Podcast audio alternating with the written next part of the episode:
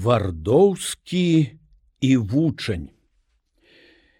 Гаспадар у якога мы жывём сказаў стась апавядаў нам што твардоўскі хадзіў у школы ў полацку. Вучыўся добра ды толькі не слухаўся настаўнікаў. Пакрыёма чытаў забароненыя кніжкі і такім чынам дайшоў да таго што зусім не баяўся смяротных грахоў.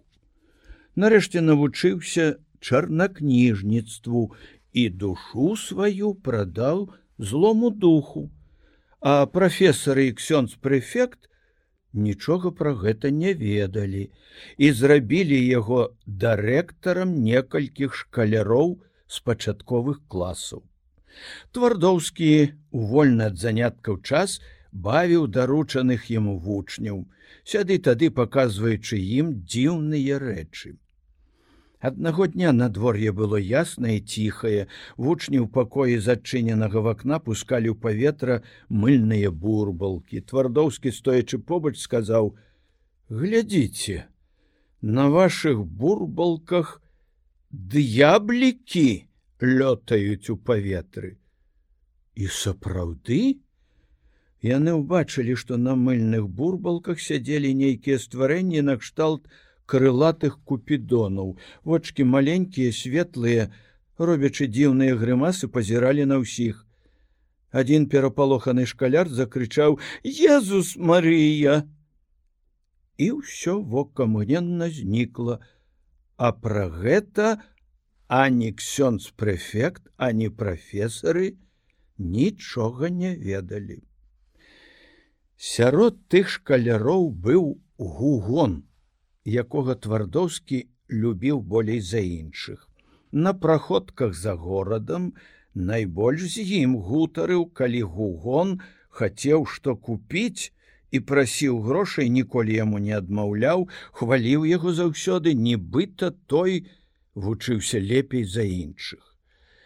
Твардоўскі ад 10 Твардоўскі ад 9 гадзіне вечара, калі студэнты клаліся спаць, меў звычку выходзіць з дому і да поўначы бавіўся дзе-небудзь у горадзе ў сваіх знаёмых. Асобны пакой, дзе ён часам займаўся адзін, зачыняў на замок. Ніхто з калегаў не ведаў, якія ў яго былі кніжкі і гугону не дазваляў заходзіць туды аднаму. Неяк ён выйшаў з дому і забыўшыся, пакінуў ключ у замку і дзверы не зачыненымі. А десятой гадзіне ўсе пайшлі спаць. Гугон жа не тушыў святла і сядзеў адзін. Калі прабілі поўнач на званіцы езуіцкага касцёла, а твардоўскі яшчэ не вярнуўся дадому, Гугон убачыў у замку ключы незачыненыя дзверы уваходзіць у пакой. На стале бачыць велізарную кнігу ў старасветскім пераплёце з пергаменту. Зірнуўшы ў яе ён здзівіўся бо першы раз у жыцці сустрэў белы друк на чорнай паперы і ледь прачытаў паўстаронкі з'явіўся перад ім на чараваты карузлік, вочы свяціліся белым агнём, твар чорны як вугаль.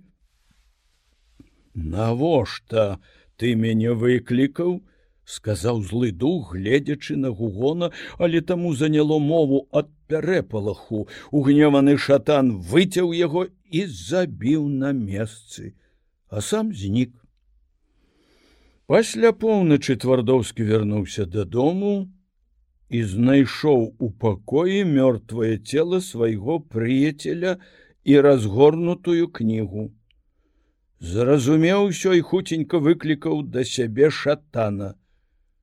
Чаму ты забіў няшчасна юнака спытаўся чарнакніжнік. Таму, сказаў злы дух, каб не раскрыў тваю таямніцу ўсім, хто не павінен ведаць пра яе. Тут трэба было зрабіць іначай. Ані ты, ані я жывіць яго не можам. Цяпер мяне могуць пакараць як забойцу. Трэба затаіць гэтае злачынства. залазь у яго цела, будзеш гугону замест душы, пакуль не прыйдзе яму час паміраць. Д'ябал з імгненна залез у цела і гугона жыў, але стаў зусім іншым, вочы блішчалі, ды гэты бляск быў прыкры, твар у яго быў той самы, ды ў ім было штосьці агіднае. Прыйшоў ён у школу прафесары і аднакласнікі бачылі ў ім нейкую перамену, аднак ніхто не мог дазнацца таямніцы. На імшы паводзіў сябе нясціпла, смяшыў і іншых, а калексён спадносіў святое прычасце, дык ён не мог вытрываць і выбягаў з касцёла, прыкладваючы хусцінку да носа, нібыта спыняў кроў калі пакаранні і напаміны не дапамагалі, яго выгналі са школы. І ён заўсёды быў вялікім непрыяцелем усім езуітам. На ксяндзоў пісаў пасквілі, філасофстваваў, выступаў супраць святой рэлігіі, усім паказваў паганы прыклад, хто толькі з ім пачынаў размову. Пасля пакінуў полацак і невядома, дзе згінуў. Браво стась, сказаў пан сівоха. Кароткае апавяданне, але добрае, пэўна сёй той з нашых маладых панічоў і цяпер яшчэ паўтарае думкі таго д'ябла, што быў у гугонавым целе. Это навука, стась, сказаў дядзька, што трэба ўнікаць злых людзей.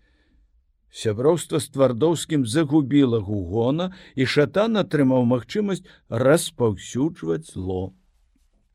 О, калі б той пан гугон, сказаў латышевич, у сваім жыцці на гэтым свеце быў суддзёю, сакратаром або іншым якім чыноўнікам, Дык што прабілася?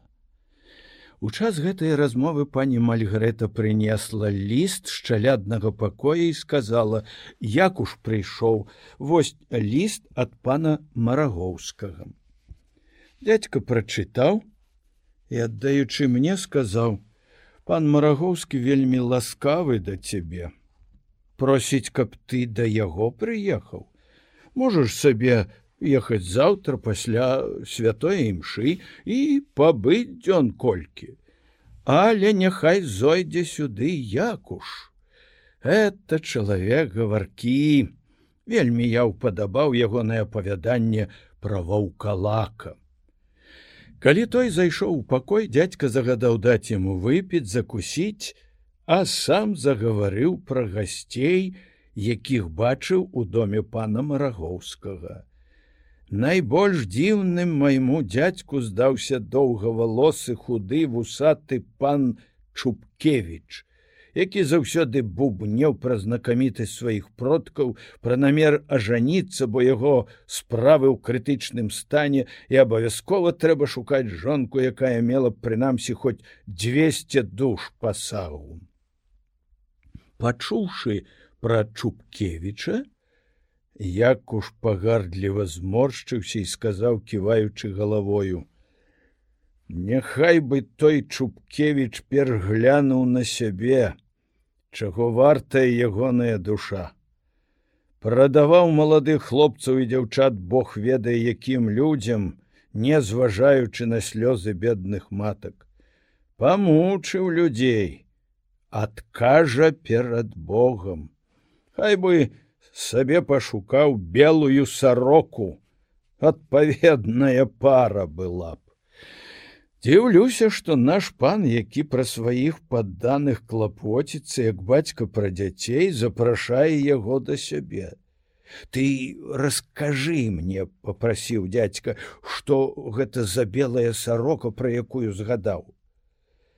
А ўжо лепей пану, Пра белую сароку распавядучым гаварыць пра Чупкевіча, Няхай яго Бог пакарае.